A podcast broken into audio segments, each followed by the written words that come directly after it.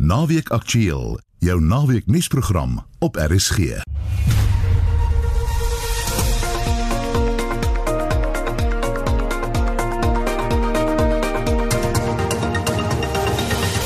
Goeiemiddag. In die program ons bring hulde aan Dr Danny Titus wat diep spore in Suid-Afrika getrap het. Suid-Afrikaners vertel oor brande en digte rook in die Amerikaanse deelstaat Kalifornië. Ek het Liesel teen oggend opgestaan. Die son is net so letterlik 'n rooi. So rooi kolletjie, Ja, rooi kolletjie. En ehm um, jy kan letterlik as sien val. En die kleinseun van die bekende ontslape skrywer PG Du Plessis, Pieter, sy eerste rolprent word vanaand by die Durbanse rolprentfees vertoon. As daar 'n verbinding tussen my en my oupa getrek kan word, is ek maar net te bly. Selfs al weet ek dat ek heel moontlik nooit die hoogtes gaan behaal wat hy het nie. Maar dalk is Pieter net te beskeie.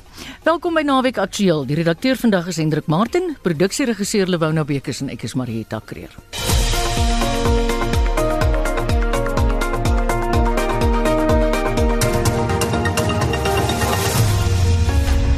Op ek op 4 minute oor 12 jy luister na Naweek Aktueel op RSG. Die voormalige menseregte kommissaris, Dr Danny Titus, is gister in die ouderdom van 63 jaar oorlede. Hy was sedert Julie in 'n koma na komplikasies met 'n katarak operasie. Titus was ook lank by die ATKV betrokke waar hy Afrikaans en kulturele regte bevorder het. Huldeblyke stroom sedert vroegoggend vanuit alle oorde in. En ons praat nou met die ATKV se besturende direkteur, Sonel Brits. Goeiemôre Sonel. Hallo Marietta en As- luisteraars. As watter soort mens sal jy Danny onthou?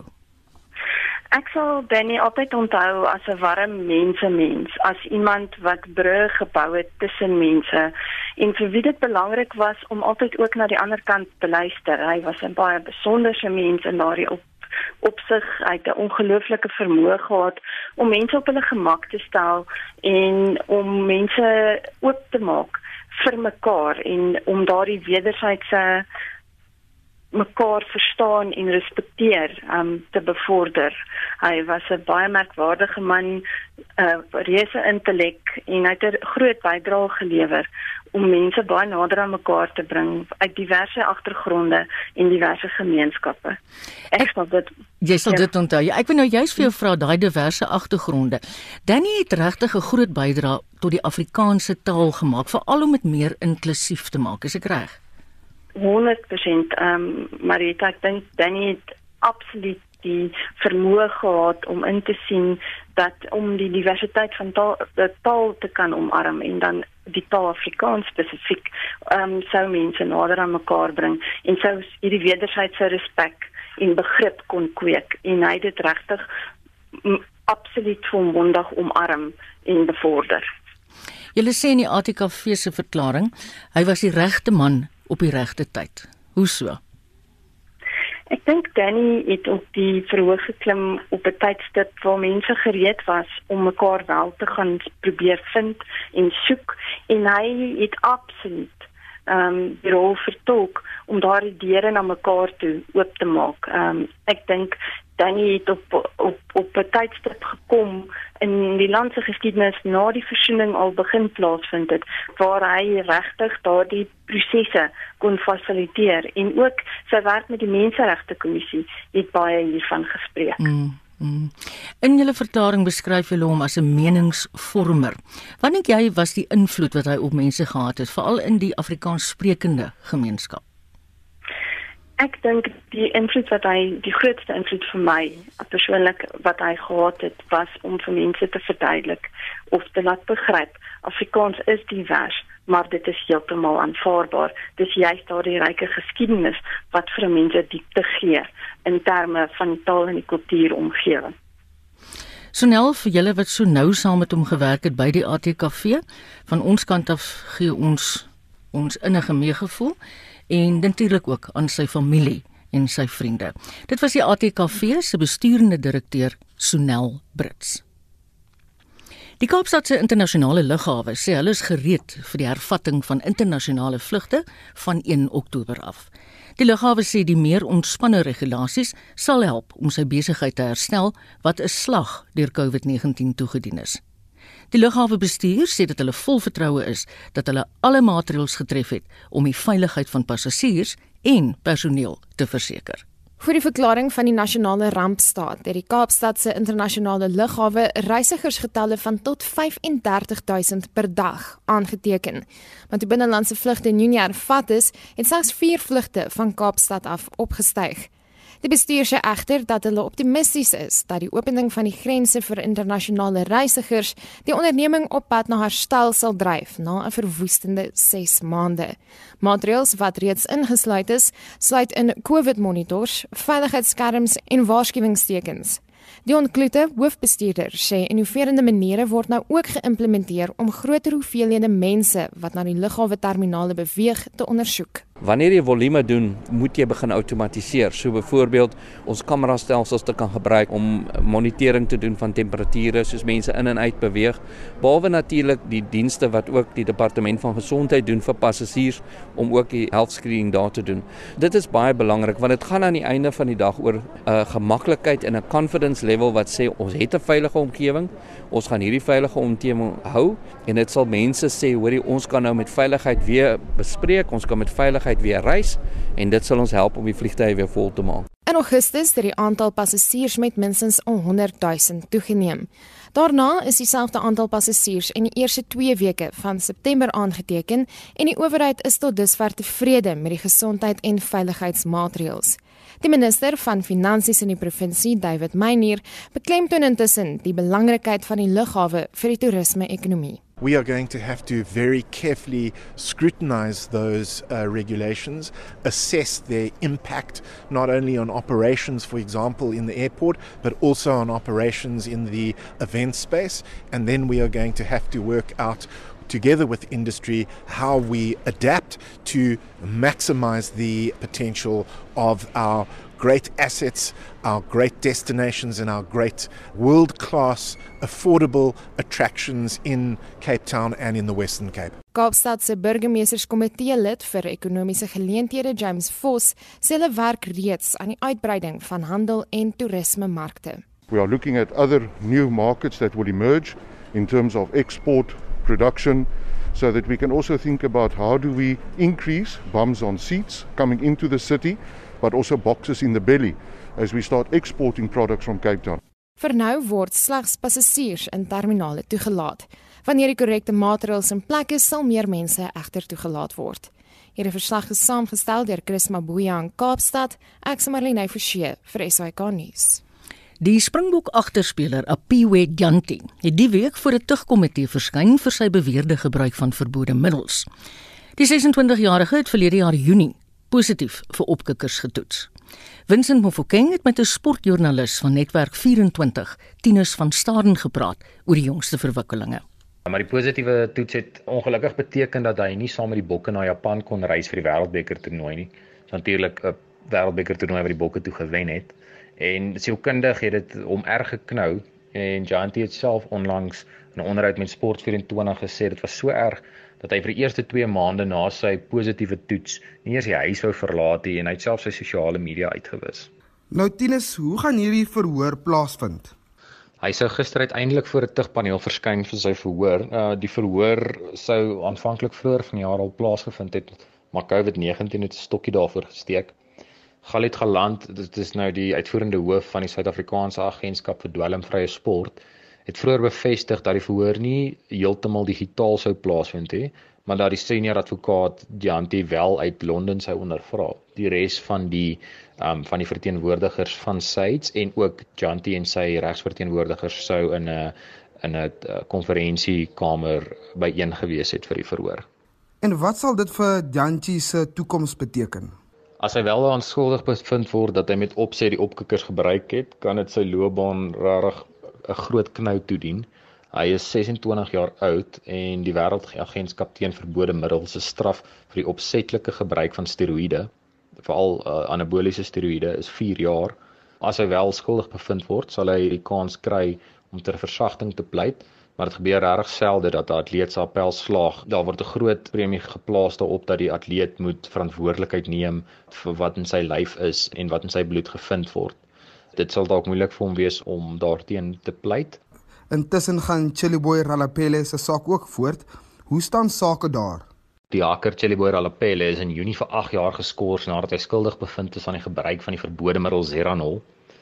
Nou dit is Ralapele se derde positiewe geval, maar sy tweede skuldig bevinding nadat die daardie eerste keer beslis is dat die middel wat in sy bloed gevind is per ongeluk vir hom uh, voorgeskryf is deur die Bokke se kondisioneringsspan. Ralapele het appel aangeteken teen sy skorsing van 8 jaar en volgens een van sy prokureurs, Hendrik Hugo van ENS Africa, word sy appelsaak op 13 Oktober aangehoor. Ralapele se regsbank appeleer teen sy skuldige bevinding en teen sy straf. Hulle voer onder meer aan dat die beampte wat vir sy monster verantwoordelik was, nie aan die voorgeskrewe standaarde van 'n toetsproses voldoen het nie. Hulle voer ook aan dat die beampte van die waarheid afgewyk het in sy getuienis en Ralapele se weergawe van gebeure moet dus aanvaar word. Nou Ralapele se loopbaan is in elk geval basies verby. Hulle vra dat die straf tussen 2 en 'n maksimum van 4 jaar moet wees, maar selfs as dit die geval is, is sy loopbaan ook uh, iets van die verlede. So sê Tinus van Staden, 'n sportjoernalis van Netwerk 24 en hy was in gesprek met Vincent. Ja, ons bly by rugby. Rugby liefhebbers het die afgelope week die goeie nuus gekry dat Suid-Afrika se 4 super rugby spanne mekaar volgende Saterdag die stryd aan sê om die na-inperking rugby seisoen aan die gang te kry met die Curriebeeker seisoen wat 2 weke later afskop. Ek praat nou met die sportsielkundige Dr Henning Gericke oor watter sielkundige aanpassings die lang afwesigheid van die speelveld van spelers sal verg. Goeiemôre Henning. Hallo Marieta, hoe gaan dit? Nee, goed, dankie met jou. Nee, goed, dankie. 6 maande lank mog spelers nou nie hulle sport beoefen het nie. Watse tipe kopskuif het 'n mens nodig om volgende naweek eenvoudig wedstryd gereed te wees? Ja, jy weet Marieta, ek het so lank kyk iets met die spelers. Ek dink die rus was eintlik baie nodig geweest. Dit klink snaaks. Miskien vir ons as toeskouers wil hulle elke dag Saterdag sien, maar hierdie ouens speel elke dag, elke week oefen. Hulle lywe kan dit omtrent nie vat nie. So ek dink hierdie rus was sessie so goed vir hulle geweest. By die aard van die situasie gaan hulle nie toeskouers wees nie, maar ek dink die mense maak 'n groter ding daaroor is wat dit is. Die spelers, jy weet, hulle is innerlik gemotiveerd, hulle is professioneel, hulle wil so graag speel. Hulle weet daar's duisende, miljoene mense wat vir hulle kyk eintlik op televisie. En daai atmosfeer sal in die stadions geskep word. Daar's daar's uh, daar's geen twyfel daaroor. Die bemarker sal skerp wees, daar gaan musiek wees. Weet, 'n speler se 'n gunsteling liedjie kan gespeel word as hy miskien iets goed doen. So dit dit gaan 'n unieke atmosfeer wees en en en, en sies is die spelers gereed daarvoor. Ek dink hulle kan nie wag nie. Uh, en dis miskien 'n nadeel. Hulle wil te graag amper dat hulle sal foute maak en nie sal kalm wees amper nie, jy weet. So die entoesiasme gaan nie ontbreek nie, Marita, kan jou dit beloof. Henning, watter invloed het hierdie afwesigheid nou ook op die afrigters gehad? Kyk, Jake White is nou gelukkig, jy's deel van sy bestuurspan by die Vodacom Bulls, maar het al die spanne, ek wil amper sê 'n kopdokter of iemand wat help met die motivering ook vir die afrigters. Ja, ja, dit is soos ek sê, vir almal dieselfde, die speelveld is gelyk. En ehm um, ek dink die afrigters ook, ek weet Jake se groot uitdaging is jy weet hy ken baie van die spelers nie, daar's baie groot verwagtinge. Maar ehm um, ek voel hy's 'n ervare afrigter en ek dink die speelveld is so gelyk want al die ander afrigters in al die ander provinsies is is sterk afrigters. So ek, maar het ek wil eerlik vir jou sê, wel ek ek is by die Bulls betrokke, so ek moet nou versigtig wees wat ek sê, maar ek ek dink dis dit gaan dit gaan 'n kompetisie wees waar geen mens kan sê dit gaan die wenner wees voor die tyd nie mm. en ek ek dink dit gaan dit gaan regtig soveel soveel nuwe energie bring in die land en mense en in vir afrigters ook ek dink hulle sien regtig uit daarna om om om te kyk waar is hulle spelers want ons het nie 'n goeie super rugby gehad nie. Nee. Ehm um, van die spanne nie. Ek was ook nou nie betrokke nie en ek het nou begin betrokke by Jacarot, maar is eintlik net die Sharks wat eintlik wat eintlik redelik goed gedoen. Ander spanne was was relatief swak eintlik om eerlik te wees. So ek dink almal het iets om te bewys. Ek dink die afrigters het het 'n tyd gehad maar het om aan hulle span dinamika te werk, om mm. na hulle leierskap te kyk en ek ek ek dink regtig ons uh, miskien vir die Springbokke is dit nie so goed nie want ons het nie gespeel mm. nie in die, in die New Zealand het gespeel maar ek dink fisies is ons gaan ons 'n baie goeie posisie wees omdat ons so lank gerus het eintlik. En dan sommige spelers moes van oorsee af terugkom Suid-Afrika toe en toe moes hulle nou noodwendig in isolasie geplaas word. Nou wag hulle sedertdien om te doen waarvoor hulle eintlik primêr huis toe gekom het. Ja, dit, dit is 'n slegte storie, maar dit is maar die realiteit wat al die spanne het, jy weet. So mense kan nou fokus die hele tyd op al die negativiteit en dit is ontwrigtend en die groot ontwrigting kan wees ons word elke week getoets. Letterlik elke week word almal getoets. Die bestuurspan, die spelers, so is iemand geïdentifiseer is en dan sê 'n periode van van die hele paar dae uit dan word hy weer getoets ja. en dan negatief. Daar's daar's 'n hele proses, maar ek dink dit gaan nogal so kindig baie van die spanne vereis om aanpasbaar te wees want mm daar kan iets wees dat ewe skielik een week kan vyf van jou topspelers nie volgende week speel nie. En jy ja. kan jy kan jouself instel wat wat beteken dit? Mm. So ek dink 'n groot groep gaan nodig wees. Ek dink die reservebank gaan almal met voel hulle is deel. So daar's ongelooflik baie uitdagings wat wat ehm um, wat ek dink fantasties is. Jy weet een van die goeie toeskouers wat ek kan dink is is ek dink mense gaan baie meer weer by hulle families uitkom want hulle sien uit Saterdag gaan nie alleen by hulle huis miskien sit nie. Ek gaan saam met my vriende kuier. Ek kan nie loftes toe gaan nie. Ek kan nie uh, Nieuweland toe gaan. Nou kyk ons saam. Uh, ongelukkig. Ja. Ja, en kyk saam. So ek dink daar gaan 'n ander dinamiek kom van mm. van van positiwiteit hier in die land en mense wat ek ek ek voel regtig so so dit gaan nogal dit gaan 'n interessante tyd wees die volgende paar maande en dan in Januarie mm tot middel Januarie rugby te speel weet so dit dit is vreemd. Dit is baie vreemd ding.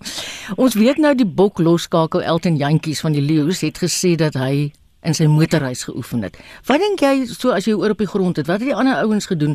A om fiks te bly en B om gemotiveerd te bly. Ja, jy weet, mense was maar kreatief geweest. Elkeen het op sy eie iets gaan doen wat hom wat homself uh, weer 'n goeie posisie. Jy weet, mense wou hardloop so die eerste 4 of 5 weke, ek kan nie onthou hoe lank was was lockdown eintlik gewees aanvanklik nie, maar dit was 'n lang tydperk, maar mm. toe ons toegelaat om hardloop te gaan hardloop en of kan jy nie gimnasium toe gaan die die spelers was kreatief, maar ek sê weer Marieta, ek dink dit was goed vir almal om 'n tyd weg van rugby te ja. fokus. Mm. So daai in die motorhuis oefen of wat hulle ook al gedoen het, mm. ek dink elke ou se eie unieke manier. Party ons het dit gerus. Ou soos Dwayne Vermeulen ek wil hy's 3 kwart van die jaar weg van sy familie. So dis vir hom belangrik om op 'n manier net by sy familie te wees en niks te oefen miskien nie. So mm. elke ou elke ou se situasie was anders te sielkundig wat hy nodig het en om die beste uit hom uit te bring en, en daai daai rustydperk dink ek ehm um, ja, dit is Maar ek dink ons kyk oor 'n paar jaar terug hierna toe en dan en dan vertel ons stories eintlik hoe was daar. Dis so uniek is hierdie jaar eintlik. Ja. En regtig, dit is ons het nou daai jaar 2020 is is hier sommer net verlore gewees op 'n manier en dis iets wat ons anders te gedoen het en en dit ons ja, dis die manier hoe ons daarna kyk. Ons ons wil dit spesiaal maak. Ek moet jou sê jy het 'n baie waarding gesê. Ek dink volgende naweek as ons weet ons kan ten minste net weer na ons eie spanne kyk, gaan baie mense bymekaar kom en hulle gaan dit waardeer. Maar ons sien nou by die reëls hou. Ek meen dis maar nie dat ons onverantwoordelik sal wees nie. Ehm, um, men ek dink hulle kan nie wag soos jy gesê het om net uit die blokke te kom nie. Baie dankie een, een probleem. Ja. Een probleem maar jy het ek kon wees, alhoewel miskien bietjie weer bekleier in die huise wees, jy weet as die ma ja. of die vrou vir WP skree die man, jy weet, so ek dink daai daai dinamiek moet ook weer uitkom. In elk geval, vat dit eerder as niks wat ek doen. Ja, baie nee, dankie, is lekker gewees om te gestel. Nee, en sterkte vir jou nuwe werk. Dis Dr. Henning Gericke. Hy's 'n sportsielkundige. Nou kom ons by 'n baie interessante bydrae. Die rolprent Dust is 'n post-apokaliptiese spanningsverhaal waarin vroue hulle teen onderdrukking verset. So vertel die regisseur en die skrywer Pieter Du Plessis. Dust het die gesogte eer gekry om die Durban Internasionale Rolprentfees wat bekend is as DIF vanaand Saterdag aand af te sluit. Du Plessis is terloops die kleinseun en die naamgenoot van die groot Afrikaanse storieverteller PG Du Plessis. Terwyl kritici reeds meen die appel val nie te ver van die boom af nie. Wou Anne Marie Jansen van Vuren by Du Plessis weet of hy nie soms 'n bietjie voel hy's net in sy oupa se skaduwee nie. Ek dink as jy verwant is aan 'n groot gees soos my oupa, dan gaan mense noodwendig kyk na hom en sien o, jy probeer iets soortgelyks doen en dan 'n vergelyking probeer trek. Ek moet sê ek het gedink dit sal my meer pla as wat dit my pla ek staan natuurlik in sy skaduwee spesifiek in Suid-Afrika, maar dis 'n skaduwee wat ek nog altyd van gehou het. Ehm um, dis 'n skaduwee waarvoor ek lief is en as daar 'n verbinding tussen my en my oupa getrek kan word, is ek maar net te bly. Selfs al weet ek dat ek heel moontlik nooit die hoogtes gaan behaal wat hy het nie. Ehm um, want dit is besonderse groot skaduwee om in te staan. It's been 30 years since the water wars. Since Mother Nature fell and pulled us down, since absent rains destroyed our world. Now, Warlords rule over city states. Their rangers raid the countryside, building empire. Waaroor gaan jou fliek Dust? Die fliek gaan grootendeels oor onderdrukkende samelewingsstrukture. So terwyl ek dit geskryf het, het ek baie gedink oor die ervaring van vrouens spesifiek binne die werkplek en die samelewing.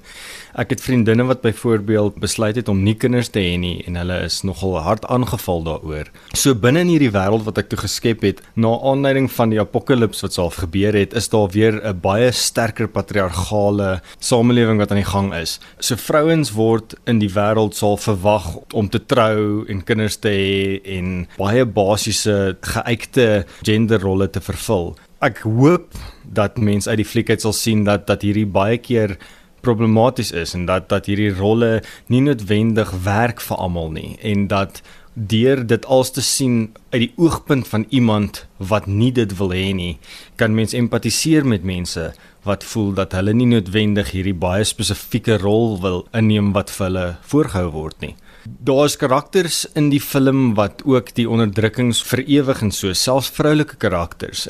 So ek wou ook gespeel het met hoe, jy weet, selfs vrouens wat as jong vrouens onderdruk is, wanneer hulle ouer word en nou al daai onderdrukking geïnternaliseer het, maak hulle seker dat hulle die stelsel kan laat voortgaan. Jy kies 'n baie interessante wêreld om jou storie te laat afspeel in. 'n Wêreld van die toekoms. Dit herinner my effens aan Mad Max Fury Road. Kan jy vir ons luisteraars 'n bietjie van 'n prentjie skep van hoe lyk hierdie wêreld?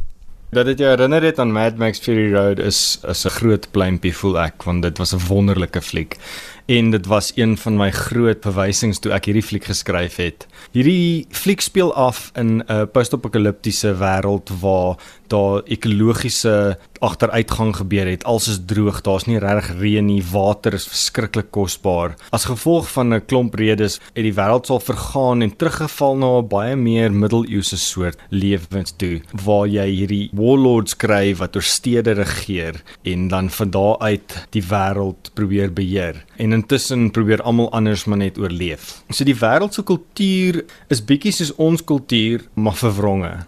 En in hierdie wêreld het ek self gedink dat die samelewing agteruit sou gaan amper tot weer terug in 'n middeleeuse samelewing toe. So ek het gedink oor hoe goeder soos godsdienst sal verander binne in hierdie situasies. Dit sal byvoorbeeld meer konservatief raak.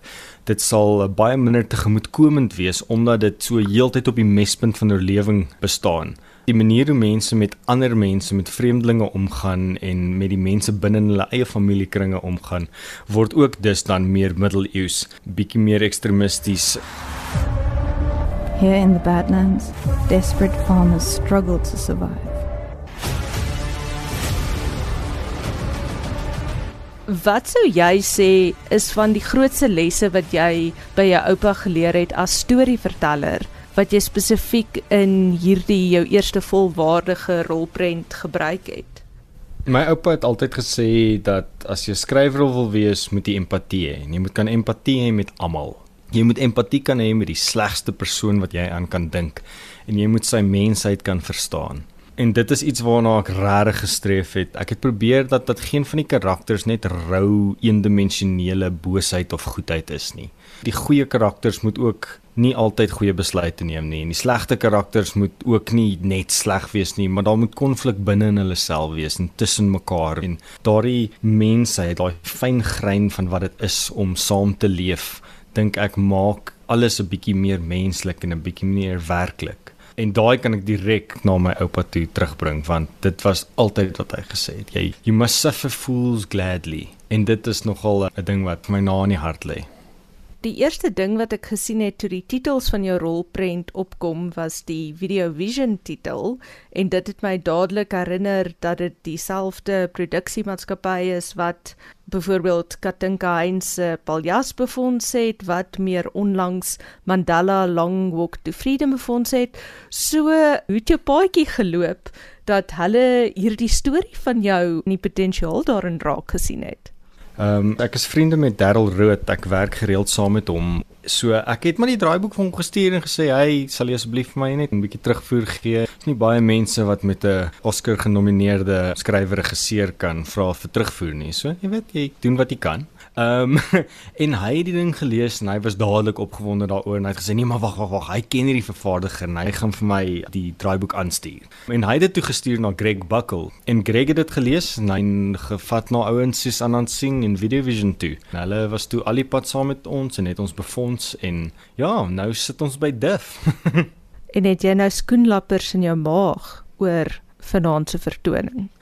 Ek het gisterand gesukkel om te slaap. Dit is 'n vreesaanjaende ding om jou eerste film so vir mense te wys. Skielik sluit ek die Durban Filmfees af wat 'n groter posisie is as wat ek gedink het my eerste fliek sal beklee. So nou skielik het ek al hierdie oë op my en ek weet die resensies gaan nou begin uitkom en dit is absoluut vreesaanjaend. Jy maak hierdie goed en jy jy doen jou bes om dit so goed as moontlik te maak, maar tot tyd en wyl 'n gehoor dit voor ook kry, kan jy nie werklik weet hoe dit gaan afgaan nie. Dit is baie opwindend, maar dit is ook absoluut vreesaanjaend vir my. Dit was Pieter George Du Plessis, die skrywer en regisseur van die rolprent Dust en ons klompie in die ateljee het nou gesê. Ek hoop jy luister vandag Pieter. Ons het lanklaas 'n jong Afrikaanse man gehoor wat sulke goeie en gemaklike Afrikaans gebruik jy het, jy het nie 'n enkele dooie Engelse woord buite daai uitdrukking gebruik nie. Ons het baie groot waardering daarvoor. Verwoestende brande in die westelike dele van Amerika het miljoene hektaar se bewoonde en beboste gebied verwoes. Verskeie inwoners in die deelstate van Washington en Kalifornië se tasse is intussen gepak vir ingeval hulle moet vlug indien dit nodig word. 'n Suid-Afrikaanse egpaar in Reading, Kalifornië, het aan Marlenae Forsie gesê hulle dorp was die afgelope 2 weke omring deur brande. Lisa en Jean Roux Gryiling sê dit lyk asof dinge darm begine beter gaan. Reading lê in 'n vallei, so die rook bly heeltyd hierso, dat die berge hou dit in. Alhoewel ons dorp nie reg geaffekteer word deur die vuur op hierdie stadium nie, die rook maak 'n groot verskil. Dit bly net heeltyd in die lug. Ek het Lisa teen oggend opgestaan die son is net so letterlik 'n rooi. 'n rooi kolletjie. Ja, rooi kolletjie. En ehm um, jy kan letterlik die as sien val. Ja. Ek kon daar ons eendag wat ehm um, ons dit was 'n 10:00 die oggend gewees en dit raak nog redelik vroeg lig hierso en dit was pikdonker, soos jy kon nie eers as jy buite te kyk lyk dit soos 'n zombie apocalypse. Ja. Almal in die dorp dra nou maskers, nie uit vrees vir COVID-19 nie, maar om hulle longe teen die digte rook te beskerm. Daar's ook nie sprake van openbare byeenkomste nie. Die mense wat sukkel met asma en mense wat mediese kondisies het, dit affekteer hulle verskriklik want broer die lug is net so vuil. Ons landlord, hy het mediese kondisies en hy kan hy sukkel verskriklik om asem te haal in hierdie omstandighede ons kan nie ehm um, na die lijk toe gaan nie want al die bome daar is heeltemal afgebrand. Ek weet hulle het 'n besoedelings ehm um, chart uitgestuur om ja. te sê dat mense ons moet in die huis bly. Ja. En ek weet laasweek was dit nogal hazardous. Ons kon nêrens reg gaan nie. Ek dink ons het laas dit ervaar toe ons in Beijing was, in China was. Verskeie huise maak gebruik van waterstelsels vir verkoeling in plaas van lugversorging. Nou die eenhede word glo tot so mate deur die rook geraak dat verskeie huise ontruim moet word omdat die lug aan die binnekant as onveilig beskou word. Intussen wys inwoners die vinger in verskeie rigtings. Ons het met 'n paar mense al gepraat en hulle sê die oorsaak van die vuur is snaaks genoeg polities gedrewe. Die een kant sê dat dit is global warming wat dit veroorsaak en die ander kant sê dat Kalifornië nie regtig hulle forestry in stand hou nie en daarom is die virus so verskriklik erg vandat hulle die bome begin beskerm het en met ja. verskil het baie groepe hierso wat hulle mag nie die bome snoei nie want dis teen die natuur en ek weet nie wat so goed als nie so Maar hoe raak dit hulle? Eendag toe dit so erg was, toe hulle gesê het ons moet by die huis bly, ons het ons ouers laat weet, jy weet kan hulle net saam met ons bid. Ehm, um, jy weet want dit is skerry vir ons want dis ons het nie reg TV nie en ons het nie regtig so ons weet nie regtig wat aangaan of hoe ver die vure van ons af is en as gevolg van 2 jaar terug se car fire het ons weet ons het nogal redelik damage gedoen. So is nogal skerry om hier te wees en jy jy weet jy weet nie regtig wat wat om jou aangaan en of hoe ver die vuur is nie. Want al wat jy sien is net die rook. En jy sien net rooi, so jy weet nie of dit vuur is en of dit rook is nie. My ma het nie eens geweet daarvan nie. Sy moes dit gaan Google het. Ja, ja so ek sê seker, ek dink ja. nie julle is julle weet regtig van die situasie nie. Um, en daar's ander goeders in Suid-Afrika wat aangaan. Dit was die egpaar Lisa en Jean Roux Gryiling wat in Redding, Amerika woon. Ek's Marlene Forsie vir SAK nuus. Twee redakteurs, Waldemar Pelser van Rapport en Max de Pre van Vrye Weekblad. En die Ruimkles Troubadour Fraser Berry is hierdie week se paneel op kommentaar.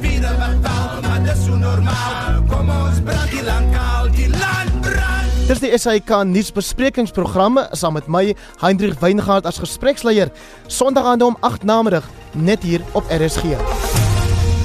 Jy luister na Naweek Aktueel op RSG. Dis 25 minute voor 1 en nou kan almal wat in karre belangstel nader skuif. Ons weeklikse motorrubriek word elke week gedoen deur Wessel Pretorius en hy het hierdie week 'n Mazda getoets en dan beantwoord hy ook 'n luisteraarsbrief.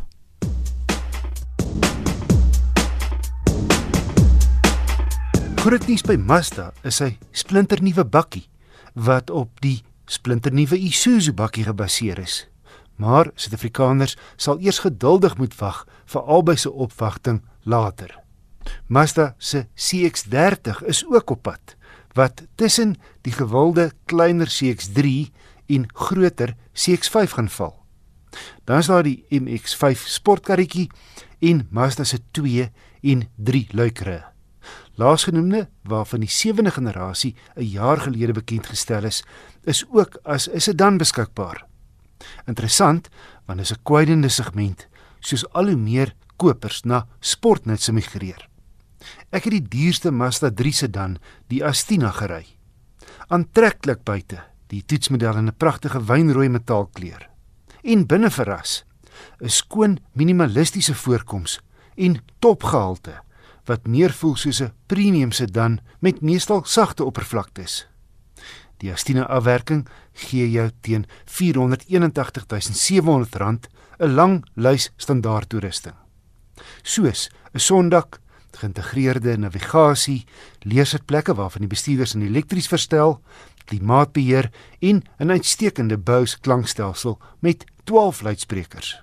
Die hele reeks het goeie veiligheidskenmerke, onder meer lugsakke voor vir die bestuurder se knieë, sy en gordynligsakke, altesaam 7.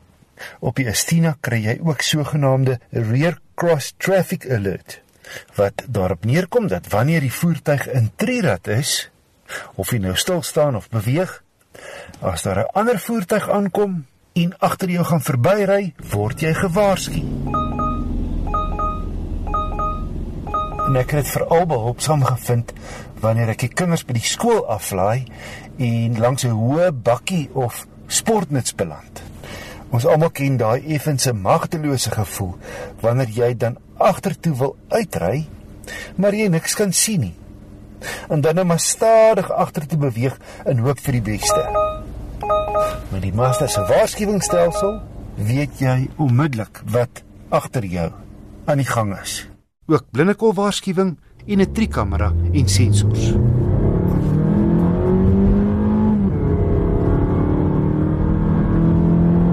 Sy 2 liter petrol gekoppel aan 'n 6-spoed outomaties skop 121 kW en 213 Nm uit. Relatiewe lae wrinkragsyfer teen 'n hoë 4000 toere. Teen lae en medium toere is daar opmerklik minder krag as 'n turbo-aangejaagde masjien.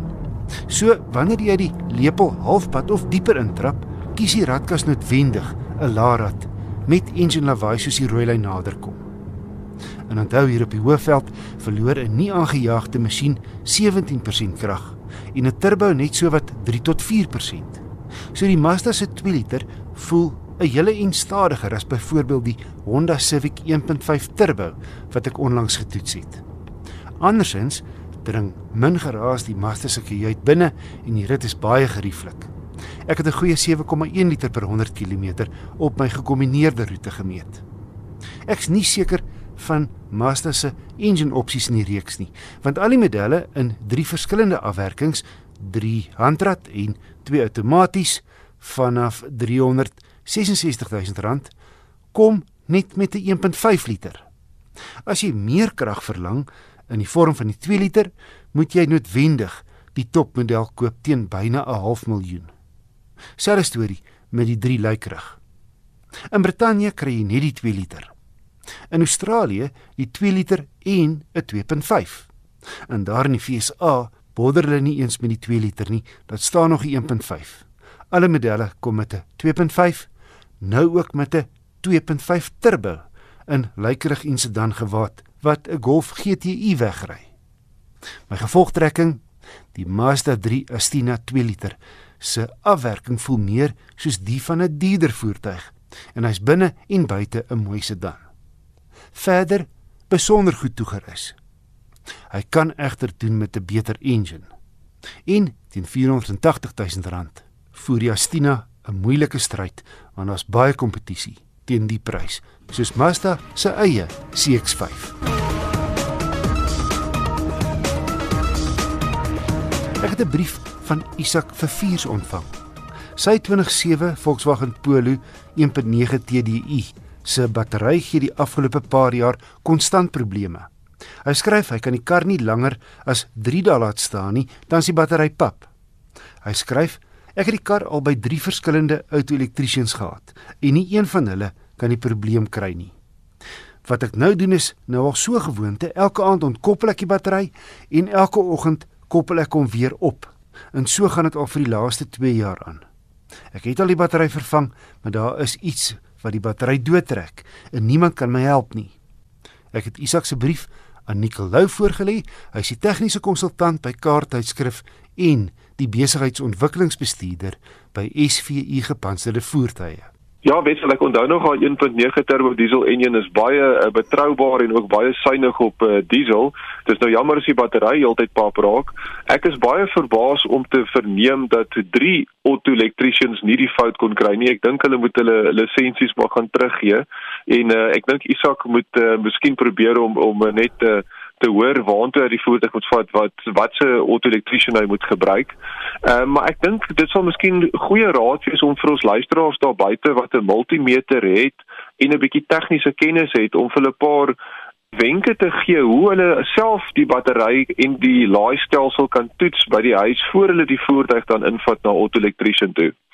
So om te begin, As jy dan die multimeter het en jy wil dan die volts meet van die battery, wanneer die voertuig dan in jou motorhuis staan en die enjin is afgeskakel en as jy dan oor die pole meet die battery, behoort jy omtrent so 12.5 of 12.7 volt te kry op die battery wat in goeie toestand is. As hy battery se volts hier na 11.5 of onder gaan, dan moet jy weet die battery is nie in 'n goeie toestand nie, hy word nie gelaai nie. Onthou dit vat 'n hele rukkie om 'n battery weer te laai as jy hom as jy die enjin aangeskakel het soos in die dorp ry en jy stop baie jy skakel baie die enjin af. Onthou jy moet maar 'n entjie verder gaan ry van trend so 5 uh, na 10 minute se ry om weer daai krag van een aansit weer terug in die battery te sit. Die volgende toets wat gedoen kan word is wanneer die enjin leier, so wanneer die enjin aangeskakel is en jy is weer in die motorhuis en jy meet weer oor die pole, dan behoort jy nou so 14 volts te meet oor die battery se pole en dit wys vir jou dat die battery dan gelaai word. So daar's dan geen fout met die laaistelsel van die battery nie. Nog 'n toets wat kan gedoen word en dis nou in die geval van Isak waar die battery dan nou pap loop in die nag, is daar's definitief iets wat dan krag uit die battery uittrek, 'n stelsel in die kar wat dan nou soos 'n parasiet die krag gebruik. So wat mens kan doen is as jou multimeter ook stroom kan meet, dan kan jy op die stroomstelling sit en dan kan jy die ampere meet as jy byvoorbeeld die grondkabel losmaak van die battery en dan tussen die negatiewe pool van die battery en die grondkabel van die kar dan die multimeter insit en dan meet wat se stroom jy kry. Jy behoort nie meer as 0.1 ampere stroom te meet nie. As dit hoër is as dit, dan weet jy daar's 'n stelsel in die kar wat te veel krag trek. Onthou, daar is 'n immobiliseerder wat gewoonlik hardloop. Daar is gewoonlik 'n horlosie in die kar wat anders jy ja. verwag nie meer as 0.1 ampere nie. En uh, wat 'n mens ook kan doen as jy sien jy het 'n baie hoë ampere lesing wat getrek word uh, wanneer die kar dan nou in sy rustoestand is, is jy kan eintlik van die sekerings of dan fuses begin uittrek een na die ander om te sien wanneer daai lesing val en dan daai sekering sal dan gekonnekteer wees aan die stelsel wat dan jou krag vreet en dit kan enigiets wees van 'n liggie binne die kar ergens wat anders wat jy nie van geweet het nie of eh, 'n uh, stelsel wat dan uh, te veel krag trek. So antwoord Nicolou die tegniese konsultant by Kar en die besigheidsontwikkelingsbestuurder by SVU Gepantserde Voertuie. Enige motornavraag kan aan my gestuur word. My e-posadres is wissel@rsg.co.za.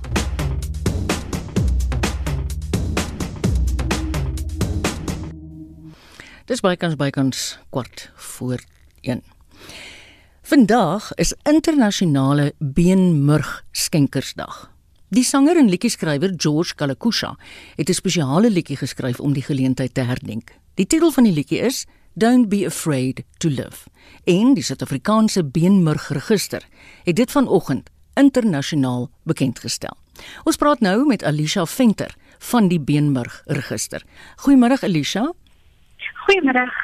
Wat is die ding die doelwit wat jy wil bereik met beenmurg skenkersdag? Wel, beenmurg skenkersdag word wêreldwyd gevier op die 19de September vandag. En uh, dit is regtig net om te sê baie baie dankie aan al ons skenkers. En as ek sê skenker, bedoel ek letterlik almal wat betrokke is by die Bierberg register, um of dit finansiële skenkers is, uh, skenkers wat reeds 'n standaard produk aan iemand geskenk het, een van ons um uh, skenkers wat 'n vrywilliger wat op ons database is wat nog wag vir daai oproep om te sê dat hulle is die regte pas vir 'n pasiënt daar buite sodat hulle 'n skenker kan wees en net almal in die wêreld wat bewus is van hierdie um hierdie behandeling of van beermergoorplanting en wat net so absoluut entoesiasties is al 365 dae van die jaar. Ons wil net vir hulle almal sê vreeslik baie dankie en met hierdie dank hierdie gebaar probeer ons natuurlik om verder bewusmaking te skep oor die die nood vir meer skenkers in Suid-Afrika. Alicia, kom ons gaan een stapie terug. Waarvoor word beenmerg alles gebruik? So beenmerg word uh grootliks gebruik vir oorplanting vir pasiënte wat selfsame siektes het soos uh, leukemie of limfomas. Hierdie is alles uh bloedverwante siektes wat 'n uh, stamsel oorplanting van 'n gesonde skenker kan um heeltemal uitwis. So um ja. dit is dit is heeltemal 'n kuur vir vir hierdie tipe kanker. Kry julle genoeg skenkings? Is mense bewus daarvan dat hulle kan skenk? So dit is dit is moeilik. Daar is baie daar's nog baie um uh mis mis denkinge daar buite oor wat hmm. beenmergoorplanting is. Hulle dink dat ons gaan dalk in hulle heupbeen inboor en die selle daar uitgrawe om vir die pasiënt te gee, maar dit is glad nie wat gebeur nie. Um jou bloedstelsel word gestimuleer vir 5 dae. Um en dan maak jou beenmerg so baie ekstra samselle dat dit druk dit uit na in jou bloedstroom in. So dan word dit deel van jou bloedstroom. Dan op die 5de dag dan word jy opgeneem in 'n privaat kliniek en uh, um ons neem die selle sommer reguit uit jou arm uit. Een van daai lekker fris are daar in jou arm. Ons het dit nou in on dit vat se 4 tot 6 ure. So dis nie onmiddellik soos in 'n 'n bloedoortapping nie, maar uh, um dan neem ons die selle wat ons nodig het. Ons gee vir jou al die ander bloedprodukte wat ons nie nodig het nie. Gee ons vir jou terug in jou lyf en en uh, jy gaan die volgende dag aan met jou lewe of jy nou wil terug gaan werk toe werk toe of met jou kinders speel of terug gaan skool of universiteit toe. Um jy sal 100% wees om die volgende dag net aan te gaan. Jenning. Is julle voorraad genoeg vir die aanvraag? Ongelukkig nie. Ehm um, die Suid-Afrikaanse beenmergregister het on, ongelukkig net 74000 gepa, um, geregistreerde skenkers. Dit terwyl die kans om 'n pas te kry ja. aan 1 in 100 000 is. Ja. Ook ons um, ons database is nie 'n baie goeie vereen verteenwoordiging van die Suid-Afrikaanse populasie nie mm. en die kanse om jou die die regte gepaste skenker te mm. is binne in jou rassegroep omdat dit 'n genetiese pas is. So ons soek mense wat geneties baie dieselfde is, baie naby aan mekaar is en jy sou moontlik meer meer meer, meer waarskynlik so 'n persoon in dieselfde rassegroep hê. So ons kort amper 100 000 um mense van elke ras ja. wat teenwoordig word in Suid-Afrika. Ja, ek het 'n vriendin gehad en um, sy was een van 'n tweeling en sy het leukemie gehad en die hulle was op pad om die beenmerg te skenk aan sussie. Toe sy ongelukkig aan ander komplikasies oorlede, maar ek het daar vir die eerste keer geleer daai wat jy nou sê van die passing. Maar dit is vir my baie interessant dat jy sê jy haal dan sommer net gewoon die bloed uit jou arm uit. Want ek dink baie mense dink, o, oh, jenning as ek beenmerg moet skenk, dan grawe jy hier in my ruggraat op. Nee, glad nie. En dit is dis jy sien baie mense sê vir ons o nee, maar dit is um, dit is 'n baie die risiko is te hoog of mm, mm. van naalde of Um ek kan nie ek kan nie lank weg wees van my werk af nie. Ek kan nie tyd so so baie tyd afvat nie. Um die risiko vir 'n skenker is ongelooflik laag. Daar is omtrent geen gevalle in die wêreld in die geskiedenis van oorplanting dat daar enigiets ernstig met die skenkers gebeur het nie. Ja. Soos ek sê, dit vat maar 4 tot 6 ure, so jy hoef nie lank af te vat by die werk nie. Um en ook jy is daar is geen uh, wat ons noem downtime nie. Jy is nie dan nog siek of um Ja. uh, buite buite Buite weste nie. ja, vir nog heel wat daar of tyd. Alicia, wie van ons kan almal beenmurg skenk? Het jy voorwaardes soos wat die bloeddiens het? Ja, daar is 'n paar voorwaardes. Natuurlik moet ons seker maak dat jy jouself is gesond. Ehm um, sodat ons seker maak ons gee vir die pasiënt die gesondste selle wat ons moontlik kan. Ja. Ehm um, een van die uh uh um goeders wat ons gedoen het vir hierdie spesifieke veldtog om te sê dankie aan skenkers is ook ons het die um ouderdom van die die die uh die benodigde ouderdom van wat 'n skenker moet wees verlaag na 16 toe. Ja. dit lyn is met um die bloedskenkingsdiens van dit. So enigiemand tussen die ouderdom van 16 en 45 kan absoluut gratis en verniet by die Suid-Afrikaanse beenmergregister aansluit vandag as hulle sou wou. Hoe het julle ouens besluit om hierdie liedjie te gebruik om julle om die aandag te trek op julle dag? Wel, ek dink dat ehm um, dit is ook die maand uh aan aan uh Suid-Afrikaanse Suid-Afrikaanse um Heritage Day Ja. en niks uh, dra kultuur en 'n boodskap so goed oor soos musiek nie. En ek dink dat dit was deel van die die denkproses om gesê wat van wat van maak 'n liedjie. En Don't Be Afraid to Live is absoluut wat ons vir enige iemand en almal daar buite wil sê want dit is so van toepassing op beide Nee. skenkers en pasiënte. Vir pasiënte te sê dat daar is hoop. Ja. Daar is iemand daar buite wat vir jou jou tweede kans op lewe kan gee en Dis om vir skenkers te sê moenie bang wees om te lewe Ja. nie. Die lewe wat jy het, kan um, kan jy 'n gedeelte daarvan skenk en iemand anders se lewe red. So just Dis don't be afraid to live. Hoorie Alicia, wil jy nie vir my net stadig kontak besonderhede gee nie want hier gaan nou luisteraars wees wat luister en voel, weet jy wat, ek wil graag my deel doen. Reg. Dit is baie eenvoudig. Hulle kan na ons webwerf toe gaan www.sabmr.co.za. Dan kan hulle net klik op become a donor en dan kan hulle net voortgaan. Daar's Become a donor. Het jy gesê Ja, become a donor? Net so, become a donor. Kom ek haal hom net weer vir jou aan. S A B M R. M vir vir Marie. Marita, Good. okay. S A B M R.co.za. Enige kontaknommer? Seker. Ons kantoornommer, ons is hier so in die Kaap gebaseer. Ons kantoornommer is 021 Mhm. 447 8638. 8638. Kom ek herhaal hom vir jou. Kaapstad voorlui 021 447 8638. Net so. Alicia, baie dankie. Dit was Alicia Venter van die Beenmurg Register. Ek herhaal hulle webwerf s a b m r.co.za en dan moet ons klik op become a donor word 'n skenker en hulle telefoonnommer is 021 447 8638. Nou ons het nou gepraat van die liedjie Don't be afraid to live. Kom ons luister na George Kalakusha.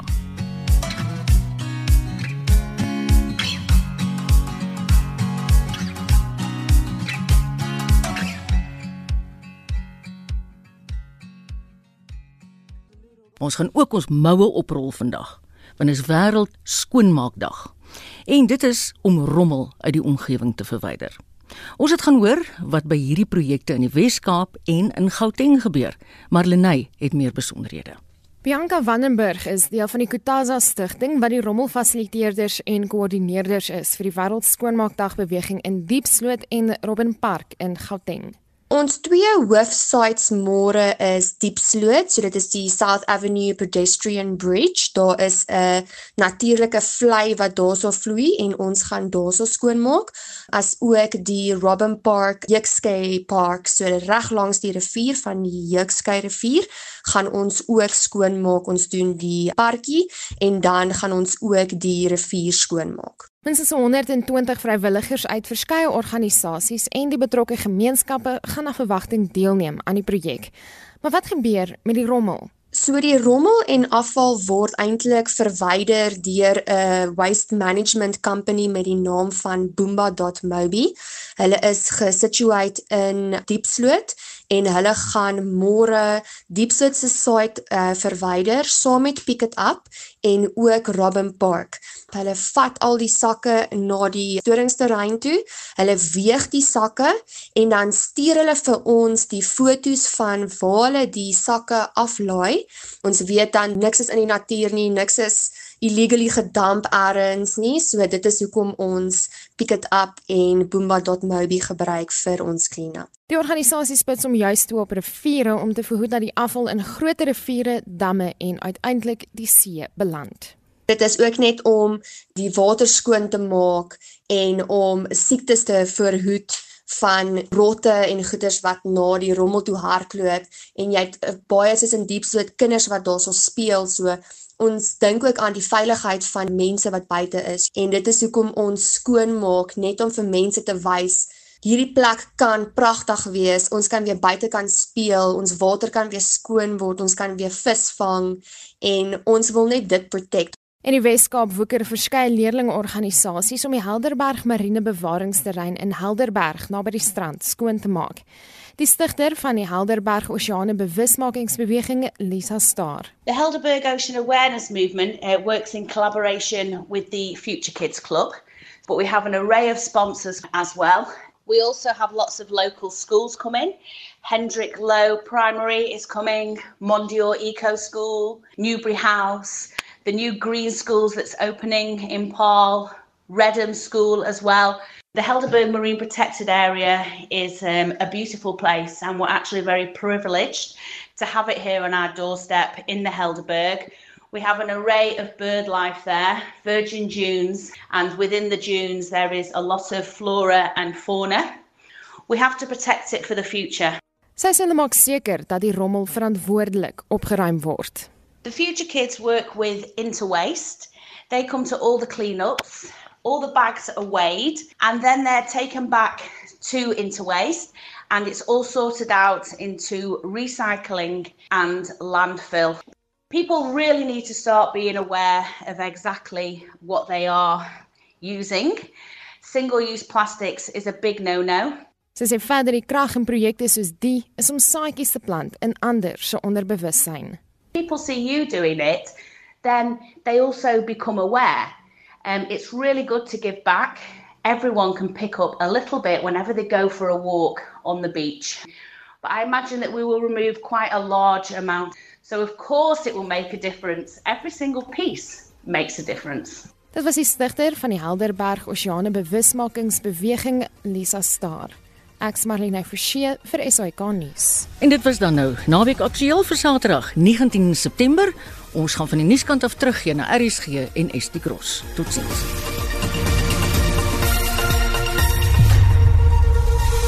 SAK nuus. Onafhanklik, onpartydig.